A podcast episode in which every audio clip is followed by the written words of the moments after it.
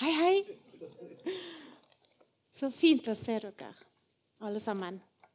Og god pinse. Nei, god pinse. Ja. For pinse er virkelig en fest. Det er en bursdagsfest. Som Inglersen skulle gått i tog og feiret. For ved Jesus sin fødsel så kom Gud til oss. Ved Jesu død og oppstandelse ble veien åpnet for oss. Men i pinsen så kom Gud for å bo i oss. Halleluja! Herre Jesus, jeg takker deg, Herre. Takk at du kom for å bo i oss. Takk, Jesus, at du ikke er en, du er ikke en, du er, du er en Gud som er langt vekke. Men du er en Gud som er helt nær. Herre, du er en Gud som bor i oss. Som virker gjennom oss. Herre, vi takker deg for det. Takk at du kan bruke oss skrøpelige kar, Herre, til å arbeide i ditt rike. Så Herre, hjelp oss. Hjelp oss til å ta imot det og gripe det og åpne opp, sånn at du, Herre, kan arbeide i oss og gjennom oss. I Jesu navn. Amen. Jeg har lyst til å begynne å lese. Jeg vet ikke om dere, Kan dere se det på meg? Kan dere se på meg? Ingen som kan se det på meg? At jeg er blitt bestemor? Hæ? Ser ikke det sånn ut? Johannes, jeg føler meg ikke som bestemor i det hele tatt. Ikke noe annet enn at jeg har fått en herlig liten klump. Ja, det er det hun er. En skjønn liten jente. En liten prinsesse. Ja, det er nydelig. Så, og det er jo egentlig sånn at jeg har eh, lesebriller, men jeg, jeg syns de er så pinglete at jeg, jeg, jeg, prøver å klare meg uten, og det gjør jeg. Men vi leser fra Apostlenes gjerninger kapittel 2 og vers 1 til 21 i utgangspunktet. Så leser vi der. Bare for å plassere oss tilbake igjen på pinsedagen. Da pinsedagen var kommet, var de alle samlet på samme sted med et samstemt sinn. Og det vet jeg at det står ikke i alle, det står ikke i så veldig mange oversettelser, men det står i denne, og jeg likte det kjempegodt. Plutselig kom det en lyd fra himmelen som av en mektig stormvind, og det fylte hele huset der de satt. Så viste det seg delte tunger for dem som av ild, og de satte seg på hver enkelt av dem. De ble alle fylt med Den hellige ånd og begynte å tale i andre tunger ettersom ånden ga dem å tale. Og I Jerusalem bodde det jøder, gudfryktige menn fra hvert folkeslag under himmelen. Og da denne lyden hørtes, kom folkemengden sammen og ble forvirret, fordi hver og en hørte dem snakke på sitt eget språk. Da ble de alle forskrekket, undret seg og sa til hverandre.: Se, er ikke alle disse som taler, galileere? Hvordan kan det ha seg at vi hører enhver av oss på vårt eget språk, det som vi ble født inn i? Parter og meder og elamitter, de som bor i Mesopotamia, Judea og Kappadokia, Pontus og Asia, Frygia og Pamfylia, Egypt og de deler av Libya som grenser til Kyrene, besøkende fra Roma, både jøder og proselytter, kretere og arabere. Vi hører dem tale på vårt våre egne språk om Guds underfulle gjerninger. Alle ble både forundret og i villrede og sa til hverandre Hva kan da dette bety? Andre spottet og sa de er fulle av ny vin. Men Peter sto fram sammen med de elleve, hevet stemmen og sa til dem jødiske menn og alle som bor i Jerusalem, la dette være kjent for dere, og merk dere mine ord, for disse er ikke beruset slik dere tror. Det er jo bare den tredje time på dagen. Men dette er det som ble talt ved profeten Joel. Og det skal skje i de siste dager, sier Gud, at jeg vil utøse av min ånd over alt kjøtt. Deres sønner og døtre skal profetere. Deres unge mennesker se syner, deres gamle mennesker drømme drømmer. Og over mine slaver og slavekvinner vil jeg utøse min ånd i de dager, og de skal profetere. Jeg vil gjøre under på himmelen der oppe og tegn på jorden der nede. Blod og ild og røykskyer.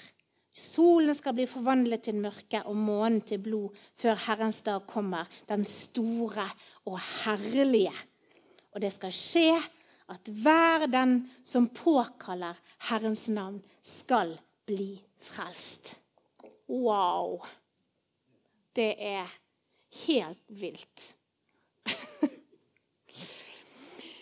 Disiplene som hadde gått fra å henge med Frelseren, se mennesker helbredet, reist opp fra de døde, utfridd av demoner.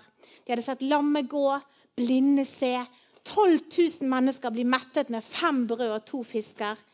De hadde sett at bølger og vind stilnet på Jesus sitt ord. De hadde sett Jesus gå på vannet. Til og med Peter hadde de sett gå på vannet. Tomme garn ble fylt til randen. Og De hadde til og med erfart at demonene lyet de, og at mennesker ble helbredet ved deres hender. De hadde vært med på helt utrolige ting. Men bare 50 dager før dette skjer, så ble drømmen knust. Håpet brutt. Eventyret var over. Jesus ble brått og brutalt revet fra dem. De ble forberedt av Jesus, men de tok ikke hintene. Men så, første påskedag, så blir håpet tent igjen. Jesus er ikke død. Han lever, og han viser seg for dem. De er så takknemlige for å ha han der sammen med seg igjen. Og Jesus oppmuntrer de og styrker de og bekrefter de, og så tar han farvel igjen. Men denne gangen mens de ser og med et løfte om Den hellige ånd. Dette løftet som han egentlig hadde gitt dem allerede ved påskemåltidet. Sånn? Du leste det, Terje? Sannelig, sannelig, jeg sier dere, den som tror på meg, skal også gjøre de gjerningene jeg gjør. Ja, enda større gjerninger, for jeg går til far. Og det dere ber om i mitt navn, vil jeg gjøre, så Faderen skal bli æret gjennom Sønnen. Dersom dere ber meg om noe i mitt navn, vil jeg gjøre det. Og dersom dere elsker meg, holder dere mine bud. Og jeg vil be min far og han skal gi dere en annen talsmann, som skal være hos dere for alltid. Sannhetens ånd som verden ikke kan ta imot. For verden ser han ikke og kjenner han ikke, men dere kjenner han. For han blir hos dere og skal være i dere. Jeg lar dere ikke bli igjen som foreldreløse barn. Jeg kommer til dere. Og der på Oljeberget så velsigner Jesus disiplene og drar til sin far. Og igjen sitter disiplene, men denne gangen ikke med skuffelse og knuste håp, men med en forventning for det som skal komme. For Jesus sier, 'Gå inn i Jerusalem og vent der', for dere skal få kraft når Den hellige ånd kommer over dere. Og dere skal være mine vitner i Jerusalem og hele Judea, i Samaria og helt til jordens ende. Jeg tror ikke de skjønte det helt. Verdens ende. Eh, til og med i dag, når avstandene er så små, så tror ikke vi klarer å skjønne det med verdens ende. Men det er i hvert fall helt utrolig stort.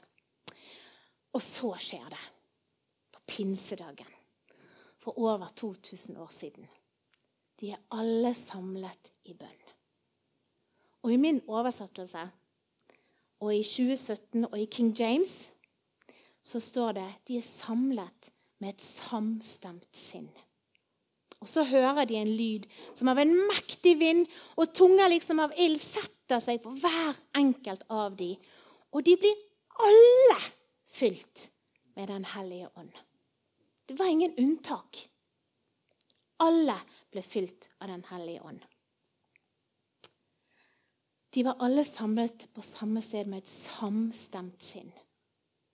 Har det noe å si? Ja, å ha et samstemt sinn. Kan det ha noe å si at vi har uenigheter, at vi har splid, at vi har noe å anklage noen andre for, at vi har uoppgjorte saker? Kan uenigheter komme i veien for Den hellige ånd? Ja, for hvor har vi blikket vårt festet når vi er uenige? Vi har blikket vårt festet på det vi er uenige om. Eller de personene som vi ikke er enige med, på urettferdigheten. Eller at det vi tenker at vi har rett. Når vi har blikket vårt festet på Jesus, så vil alt annet bli uviktig. Når vi har samme fokus, så blir vi samstemt. Når vi samles om Jesus i bønn og lovprisning, vil alt annet bleike. Og så høres det en lyd som en vind. Faktisk en stormvind. Og Den hellige ånd er som en vind. Vind blåser dit den vil. Vi kan ikke se den, men vi kan se virkningen av den. Hvis det er en skikkelig sterk stormvind, så kan trær velte og tak blåse av hus. Og Vi kan ikke se Den hellige ånd, men vi ser virkningen. Noen mer synlige enn andre. Og Den hellige ånd gir oss både gaver og frukter, alt etter det som er tjenlig for fellesskapet og for enkeltmennesker. Johannes han sa at der kommer Jesus, og han skal døpe dere med hellig ånd og ild. Og nå skjer det. Disiplene blir døpt i hellig ånd og ild. Når Jesus var dratt, da kunne det skje.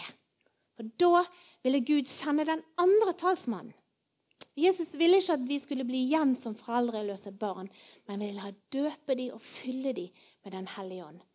Og gi dem en annen talsmann som taler Guds sak inn i deres liv. Så hva skjer med disiplene når de blir fylt? De begynner å tale i andre tunger, på andre språk. Men ikke minst så blir de frimodige. Tenk på den prosessen som de har vært igjennom. Høyt oppe, langt nede, opp igjen, og så litt forsiktig. Jeg tenker at folk rundt dem må ha tenkt mange tanker om dem. Hvor dumme de var, som trodde at Jesus var redningsmannen.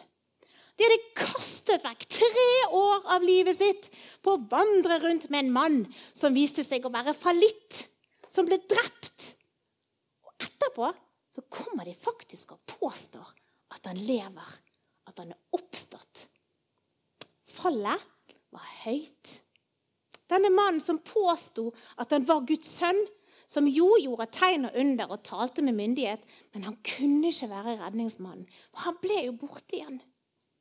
Disiplene hadde levd, og levde kanskje med denne skammen. Dette ryktet og I dette brytningspunktet lever de mellom fakta, som de kan se med sitt blotte øye, og det Jesus har sagt, som ikke er synlig, som er overnaturlig og faktisk helt vilt. Og så blir de fylt av Den hellige ånd. Og all skam og all frykt er blåst vekk. Peters nederlagsfølelse og skam er blåst bort. Frimodigheten hans og hans lidenskapelige vesen kommer til sin rett der foran folket i Jerusalem. Han hever sin røst og taler med frimodighet, ledet av og fylt av Den hellige ånd. Og talen får konsekvenser. 3000 mennesker blir døpt og lagt til menigheten. Og det stikker de i hjertet. Ikke fordi Peter var veltalende og hadde master eller doktorgrad, men fordi Den hellige ånd fikk virke i og gjennom Peter. For det er sånn Den hellige ånd virker. I og gjennom oss. Den hellige ånd kommer med gaver og blir synlig ved at vi bærer frukt. Gavene kunnskapsord, visdomsord, tungetale og tydning, helbredelser, kraftige undergjerninger, profetisk tale Alt til oppbyggelse for menigheten, som er oss, som er menneskene. Og det er ikke til fest. Det er til hverdags. Men de er der òg til forløsning, utfrielse og omvendelse for alle mennesker. Så hvorfor trenger vi å bli fylt av Den hellige ånd? Er det fordi at det er så deilig å kjenne den varme, gode følelsen av at Gud er nær? At det gjør godt, da. Det gjør det. Den bekreftelsen. Er det bare fordi at vi skal få se tegn og under og høre fra Gud for vår egen del eller menigheten sin del? Det er derfor òg. Livet her ikke ment å være et jag etter vind og tomhet, men et liv fylt av Ånden. Vi skal jage etter det Ånden vil. Vi trenger å bli forløst fra smerter og sår. Vi trenger helbredelser. Vi trenger å høre budskap fra Gud. Vi trenger visdom i menigheten og i eget liv. Og det er sånn livet med Gud var ment å være. En levende relasjon med Den hellige ånd, virksom i livene våre. Det er ikke et eventyr som vi leser om i Bibelen eller i aviser eller bøker. Det er sannheter som vi kan gripe og få del i egne liv. Og jeg håper at du erfarer det. Jeg vil i hvert fall ha mer av det. Halleluja, Per. Men på pinsedagen så var det ikke for egen del at disiplene fikk Den hellige ånd. Det var for å overbevise mennesker om at de trenger Jesus. De trenger å vende om. Vi trenger Den hellige ånd for med frimodighet, på lik linje som disiplene, å kunne dele evangeliet. Vi trenger Den hellige ånd for at det skal være ånd og liv, ikke bare tørre fakta. Er det noen av dere som liker tørt brød? Hjemme hos oss så spiser vi ofte rundstykker lørdag og søndag morgen. Og hvis da brødrestene blir liggende igjen i brødboksen over helgen, da er det rimelig tørt å spise på mandag morgen. Det er ikke noe godt. Det spises bare av plikt og ikke med velbehag. Jeg sjøl er ingen brødbaker, men mammaen min pleide å bake brød. Og jeg elsket å spise nybakt brød med smør og sukker. Og Den hellige ånd kommer alltid med ferskt brød. Når du leser Guds ord, når du ber for mennesker, når du lytter etter hva han vil si inn i ditt eget liv eller andres liv Det brødet, den maten han serverer, er alltid ferskt. Ikke tørt og vanskelig å tygge. Han kan komme og sette lys på noe som du må gjøre opp eller vende deg vekk fra, som vi kan synes er vanskelig å ta imot sånn som det tørre brødet. Men da er det for at Herren skal få større rom i livet ditt, ikke for å anklage deg. Anklage som leder til at vi blir urolige eller føler oss uverdige og gjemmer oss vekk et helt annet sted, det kommer et helt annet sted fra. Det kommer fra fienden vår. Den hellige ånd kan peke på synd, men da for å virke til omvendelse og frihet. Og så taler Den hellige ånd. Han kommer med budskap fra Herren. Han kan òg få gamle taler til å bli ferskvare. Jesus sjøl tar ord fra Det gamle testamentet og bruker når han taler. For Guds ord er levende og virkekraftig. Og Den hellige ånd skaper frukt i våre liv. I Galaterbrevet kapittel 5 så står det om åndens frukt, som er kjærlighet, glede, fred, tålmodighet, vennlighet, godhet, trofasthet, saktmodighet og selvtukt eller selvkontroll. Uh, den kan bli litt svett hvis vi skulle prestere det av oss sjøl. Jeg, jeg, eh, trenger hjelp, i hvert fall. For dette kommer stort sett ikke av seg sjøl. Men jo mer vi er fylt av Ånden, og jo mindre fylt, og jo mindre fylt av oss sjøl eller andre ting, jo mer av Åndens frukter vil vi se i våre egne liv. Disse fruktene er det jeg eh, ikke skal kjennes ved. Sinne, råttent snakk, misunnelse, stridigheter, hat, baksnakkelse, selvhevdelse osv. Men det er ofte sånn at det er de fruktene som er veldig synlige i våre liv.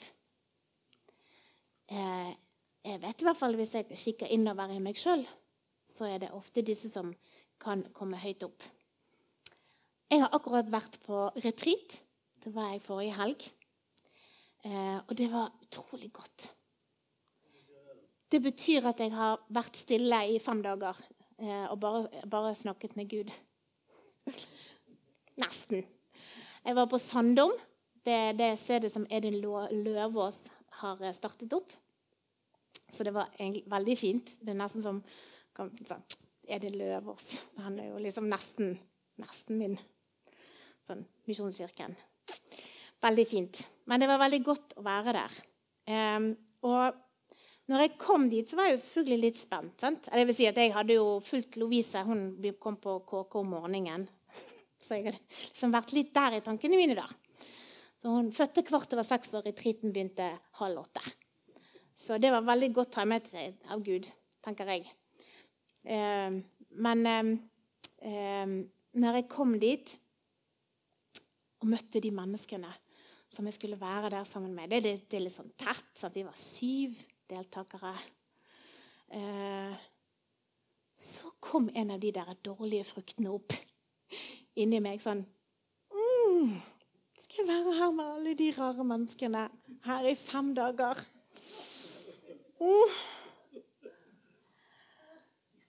Det var eh, sånn Oi, oi liksom, det var kanskje ikke helt Jeg sa det ikke til noen, da. Jeg bare tenkte det inni meg. Men jeg måtte snakke med Gud om det. Eh, men det jeg opplevde, var at de dagene som jeg var der? Det er jo sånn På retreat så snakker du ikke så mye. Vi, vi, kunne snakke litt sammen, men du skal ikke gå inn for å bli kjent med mennesker. Og fordi at Hvis jeg hadde hørt en veldig vanskelig historie, så hadde jeg kanskje involvert meg i det mennesket sitt liv. Men det var meningen at jeg skulle være der med mitt liv eh, framfor Gud. Sånn at du ble liksom ikke veldig godt kjent med de folkene som du var der sammen med. Men det som var så forunderlig, det var at når jeg reiste hjem på søndag, så var jeg så utrolig glad i dem. Uten egentlig å kjenne dem. Og jeg tror at det er fordi at jeg hadde brukt fem dager så tett på Herren at de fruktene som skulle være frukter i mitt liv, de hadde fått lov til å vokse fram. Og ikke bare sånn påtatt på utsiden, men sånn innenfra. Sånn at jeg kunne kjenne det i dypet av hjertet mitt. At hun damen som jeg tenkte den første, første kvelden, tenkte jeg Å, herlighet. Hun kommenterte alt og sa hun var, hun var skikkelig mye. og Siste dagen sa jeg Å, kan jeg få gi deg en klem? Skjønte jeg, Det var helt vekke. Det var ikke fordi jeg er noe fantastisk, men fordi Den hellige ånd hadde fått lov til å virke på mitt hjerte. Ja. Og så er det vanskelig å klare å leve sånn hele tiden. Avkoblet fra verden. Men for hver gang vi klarer å vaske hjertevinduene våre sånn at vi ser litt klarere, så kommer vi nærmere Gud. For hver gang vi setter av tid til Han, og lytter til Han, og lovpriser Han og leser Guds ord, så ser vi Han klarere. Og noen ganger så trenger vi en skikkelig vask. Eller vi trenger at noen kommer og blåser vekk den tåken som har lagt seg foran så ikke vi får øye på Jesus. Eller kanskje vi kan kjenne det som at vi er i en ørken. Og da trenger vi å bli møtt og ledet ut av ørkenen. Jeg vet ikke om du har det sånn, men jeg har det i hvert fall sånn i perioder. At det er som en tett tåke eller en ørken. Og det kommer ofte når jeg ikke har fått brukt nok tid i stillhet og nærhet med Herren. Jeg har hatt det for travelt. Jeg har ikke satt meg med Jesu føtter. Jesus han ble ledet av ånden ut i ørkenen og var der og fastet i 40 dager. Og Da kom Satan og fristet han, men han besto prøven og kom styrket ut av det. Han er prøvet i det å være i en ørken. Han er prøvet i å føle seg forlatt og ensom. Uten skygge. Sliten. Han er prøvet i det å føle det som at Gud er langt borte. Men han er ikke langt borte. Noen ganger så er det bare ting i livet som har kommet imellom. Noen ganger så kan han lede oss ut i ørkenen for at vi skal komme dypere med han. Men ofte så er det livet som leder oss ut i det, og så mister vi blikkontakten med Jesus. Og da trenger vi fellesskapet mer enn noen gang. Da trenger vi å presse oss på Gud og bruke tid med Han. Da trenger vi å komme avsides med Han og høre fra Han. Hva gjør du når det kjennes tørt og tåkete? Jeg roper til Jesus. Jeg ber om forbønn. Jeg hører på taler. Jeg løper til Jesus igjen og igjen. Og det er ikke alltid at det skjer med en gang. Men jeg får erfare at i den perioden der jeg gjør det, så når jeg kommer ut på andre siden, så har det skjedd noe. Da har jeg fått kommet enda nærmere Jesus. Paulus han sier i Galaterbrevet at hvis vi lever i Ånden, så la oss vandre i Ånden. Og En god venn av meg han beskrev Den hellige ånd som en navlestreng. Den gir næring til babyen i magen. Hvis det blir krøll eller brudd på den navlestrengen, så vil ikke babyen få den nødvendige næringen. Navlestrengen er faktisk livsviktig. Så kanskje, hvis du føler deg lav på åndelige næringsstoffer, så kan det hende at det er krøll eller brudd på navlestrengen. Og Da trenger du å få løsnet den opp, så du kan få ny, frisk næring. For det er I motsetning til en baby så kan det skje med oss. Vi tror på en treenig Gud. Gud, Jesus og Den hellige ånd.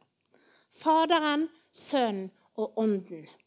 De er virksomme sammen. Du kan ikke utelate den ene. En trekant er ikke en trekant hvis den ene siden ikke er der. Vann har tre egenskaper. Flytende, damp og is. Du kan ikke ta vekk den ene egenskapen. Mennesket består av ånd, sjel og kropp. Ferdig. Roger Forster i Iktus han tegner et utrolig vakkert bilde av treenigheten. Han kaller Gud for 'the dance moving God'. Den dansende, bevegende Gud.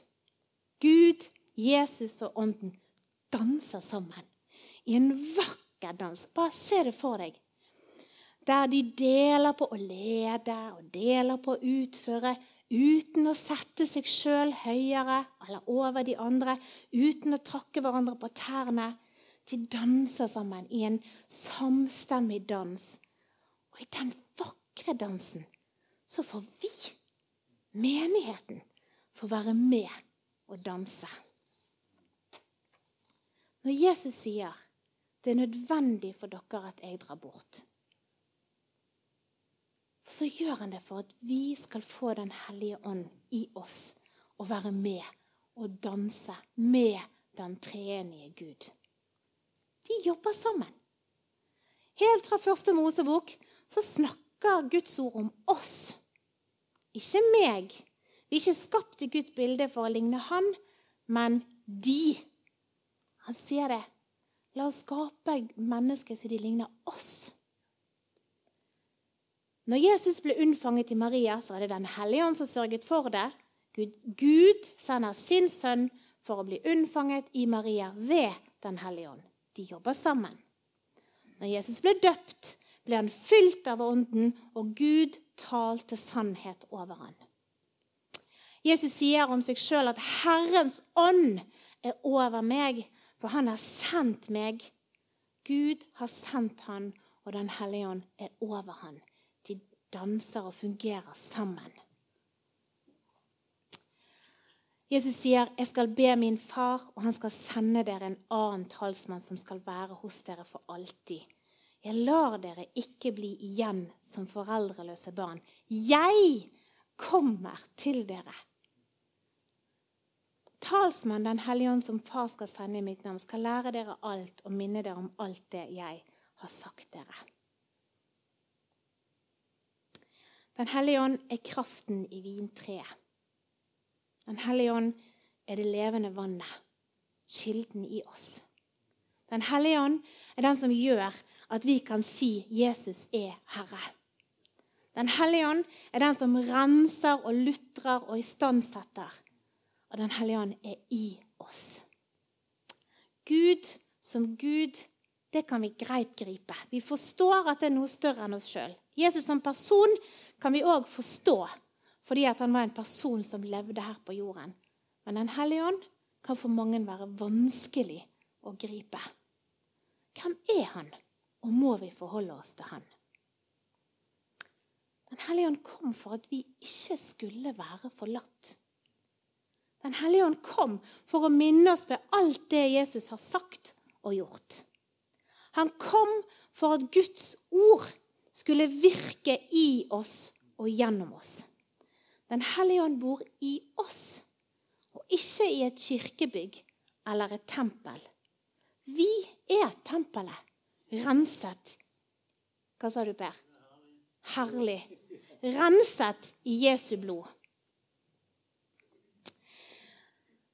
Jeg tenker noen ganger på treenigheten som at Gud er liksom hele kroppen, og Jesus og Den hellige ånd er armene.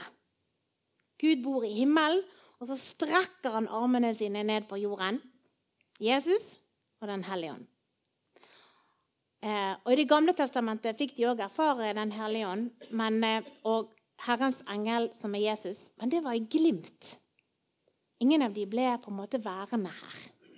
Men så sender han Jesus når tiden er inne. Han strekker armen sin ned og arbeider her nede. Og når den armen sin oppgave er fullført, så strekker han den andre ned, så den kan gjøre sitt arbeid. De henger sammen. Den hellige ånd taler og virker i oss til egen oppbyggelse og helliggjørelse. Og gjennom oss til andres frelse og oppmuntring. Jeg kan kjenne at jeg er trøtt av å høre og høre. Jeg vil ta imot. Jeg vil gjøre og jeg vil se en virkning. Halleluja. Når jeg hører på vitnesbyrd om hvordan han har virket andre steder, så tenker jeg ah, det der det vil jeg òg ha. Jeg hørte bl.a. på en tale med Nathan Osnes i Tabernaklet. Og han hadde akkurat vært på Filippinene. Da fortalte han om et møte han hadde vært på der han hadde talt og han hadde egentlig talt den samme talen som han gjorde på den podkasten. Men virkningen var helt forskjellig. Eh, han hadde vært der og talt, og det bare falt Den hellige ånd. Eh, og da falt mennesker som fluer. Og det skjedde helbredelser rundt i kirkerommet uten at mennesker la hendene på dem. Og jeg tenker bare det bare fantastisk. Og kan Gud gjøre det der, så kan han gjøre det her. Kanskje vi skulle hatt med oss sånn Amerika her. Sånn Yeah, go, girl! Come on! Yeah! Istedenfor sånn Heia, heia! Vær litt forsiktig. Og om han ikke gjør det på samme måte, så er han den samme. Og han kan virke i våre sammenhenger. Og Nathan han forteller at han følte egentlig ingenting spesielt.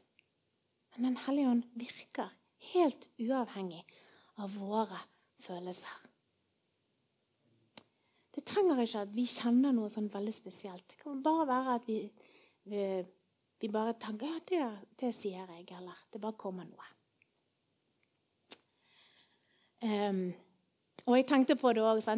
Ingvild og Meninge de har vært i Bethel Redding, og der er det woho, og skikkelig amerikansk. sant? Og jeg har vært på retreat. Sånn. Men vet du hva? Den hellige ånd virker likevel. Han kan virke i det. Selv om, selv om, det er ord som mennesker har laget klar, som jeg kan si, så virker Gud i sitt ord. Og det er ikke det at jeg ikke har en levende relasjon med Den hellige ånd, men jeg vil ha mer. Jeg vil se Den hellige ånd virke enda sterkere i mitt liv og i kirken sitt liv. Når mennesker forlater troen, så kan det selvfølgelig ha flere grunner. Men det jeg vet, og har hørt mange vitnesbyrd om, er at når mennesker får et møte med Jesus ved Den hellige ånd, så blir de forvandlet.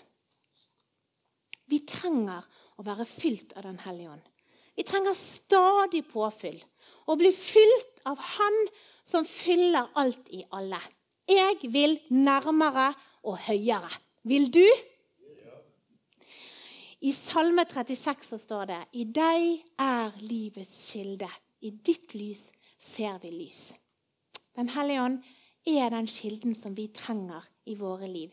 Så livet med Gud blir levende og dynamisk. Ikke kjedelig og teoretisk. Vi kan lese og lese og undersøke og undersøke, men det skaper ikke liv. Det er Den hellige ånd som skaper liv, hvis den slipper til i det som vi leser og leser. Vi kan prøve å fiske mennesker. Vi har masse gode ideer og gjøre masse gøy og interessant. Men det skaper ikke liv uten at det er Den hellige ånd som leder oss. Det vil ikke bære varig frukt. Den hellige ånd gjør hele forskjellen. Verden ellers gjør masse gøy og interessant. Men det som vi har, som verden ellers ikke har, det er en treenig Gud. En Gud som er nær, tett på, som ser, og som berører ved sin ånd. Det er det mennesker trenger. En berøring fra den høyeste. Og det kan vi gi dem. Men da trenger vi òg å være fylt. Og Gud vil gi deg en berøring i dag. Han vil gi deg påfyll. Han vil fylle deg opp. Som jeg sa, så er det ikke alltid vi føler noe. Men når vi kommer fram for han og ber om å bli fylt, så vil han fylle oss opp. Men kanskje trenger du å tømme hjertet ditt først. Kanskje trenger du å komme til korset og bekjenne din synd og dine nederlag. Kanskje trenger du å rense hjertet ditt for de løgnene som andre mennesker eller djevelen har talt innover deg, og som du har begynt å tro på. Kanskje du trenger å bli kvitt de først for å få plass til at Gud kan fylle deg. Det kan være løgner om at du ikke er noe å samle på. Du er ikke god, du er ikke god nok. Eller du er ikke flink nok. Eller du har ikke det som skal til. At ikke du tror nok. Har du hørt om Mefibosjet? Mefibosjet står det om i 2. Samuels bok, kapittel 9. Det er ikke en lang fortelling. Det er en kort fortelling, men en nydelig fortelling om en kjærlighet som en konge har til en gutt som har en skavank. En vesentlig. Mefibosjet var Jonathan sin lamme sønn. Og det var jo sånn at eh, det, Davids menn drepte hele Saul sin kongeslekt. For det var sånn det var på den tiden. Det var det de gjorde når de skulle, eh, når de skulle ta en konge eller vinne over en konge. Så tok de ikke bare kongen, men alle som hørte til han. Så hele den slekten var utryddet. Men David han, hadde, han var ikke glad for det. Han sa dere tror at dere kommer med et gledesbudskap, men jeg blir ikke glad. Eh, dette gjør meg bare trist. Eh, så når det var gått en stund, så lette David etter etterkommere etter Saul for å gjøre godt mot dem. Og så fant han Jonathan sin lamme sønn. Og han ble lam når de tjenestekvienten prøvde å rømme med han, og så mistet hun han i bakken, og så ble han lam. Og det han gjør, det David gjør, det er å hente med Fibosjet til slottet og sette han ved bordet der. Og så sa han, 'Her skal du skal sitte ved kongens bord, og der skal du spise for alltid.' Og så ga han igjen for alt han hadde tapt. Men det er sånn leiter Gud etter mennesker. Sånn leiter han etter deg. Ikke for å dømme deg eller ta deg, men for å gjøre godt mot deg. Mefibosjet tenkte at han var ikke god nok til å sitte ved kongens bord. Han protesterte. Men han var det. Det var ikke sant. For David så hadde ikke skavanken hans noe å si. Og sånn er det for Gud òg. De vil være skjult i Jesu blod, under nådebordet.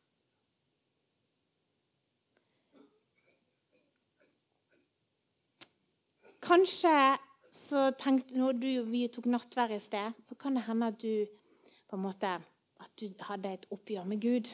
Ba han om å ransake hjertet ditt og bekjente det som du kjente lå der. Men hvis Gud minnet deg på noe, så ta tak i det. For vi gjør alle synd, og vi trenger å bekjenne det. Og vi trenger tilgivelse. Og det som er så lett for, det er at vi tenker på synd som du skal ikke danse, du skal ikke spille kort. Du skal ikke Alle disse du skal ikke. Men det er ikke det synd er. Synd er å bomme på målet. Det er å miste fokuset. At vi mister fokuset på Jesus. Det er det det handler om. Så for mange er synd et veldig betent ord. Eh, og det er det for meg òg. Jeg må jobbe masse med det. Hver gang vi snakker om synd, nei, det er jo ikke, ikke synd liksom, å tenke et eller annet. Det, det, er jo ikke, det er ikke synd at når noen har gjort noe dumt med meg og ikke klarer å tilgi, det er jo ikke synd. Jo, for dette jeg bommer på målet. Jeg ser for meg at jeg kaster ut en lasso for å treffe Gud. Og så kommer den der tanken. Det som noen har gjort mot meg, eller noe annet som kommer i veien. Og så treffer jeg det istedenfor. Og det som skjer, det er at det drar meg i en helt annen retning. For synden er at vi ikke tror på Han og de sannhetene som Han har talt over oss. Det å tro på løgner det leder oss i en annen retning enn Gud. Det drar oss vekk fra Han, ikke til Han. Og det å tro på løgner er ikke noe vi gjør med viljen vår. Det er noe som tyven får oss til å gjøre. Det er som han, nesten som at han blåser på tauet eller sender noen foran der så vi skal treffe feil.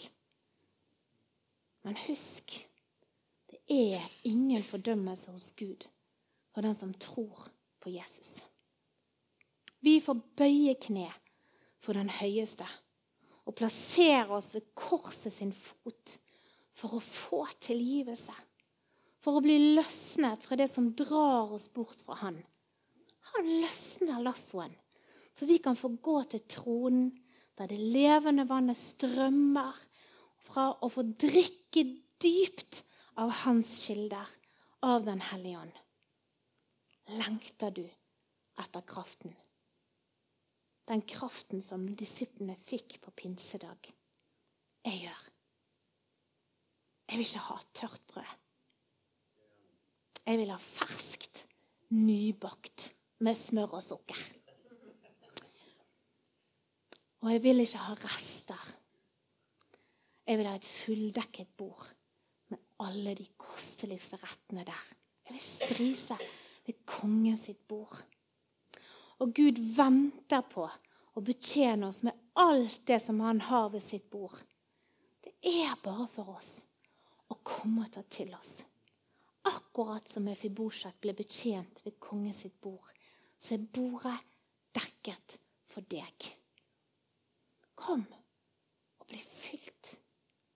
Kom og spis, for alt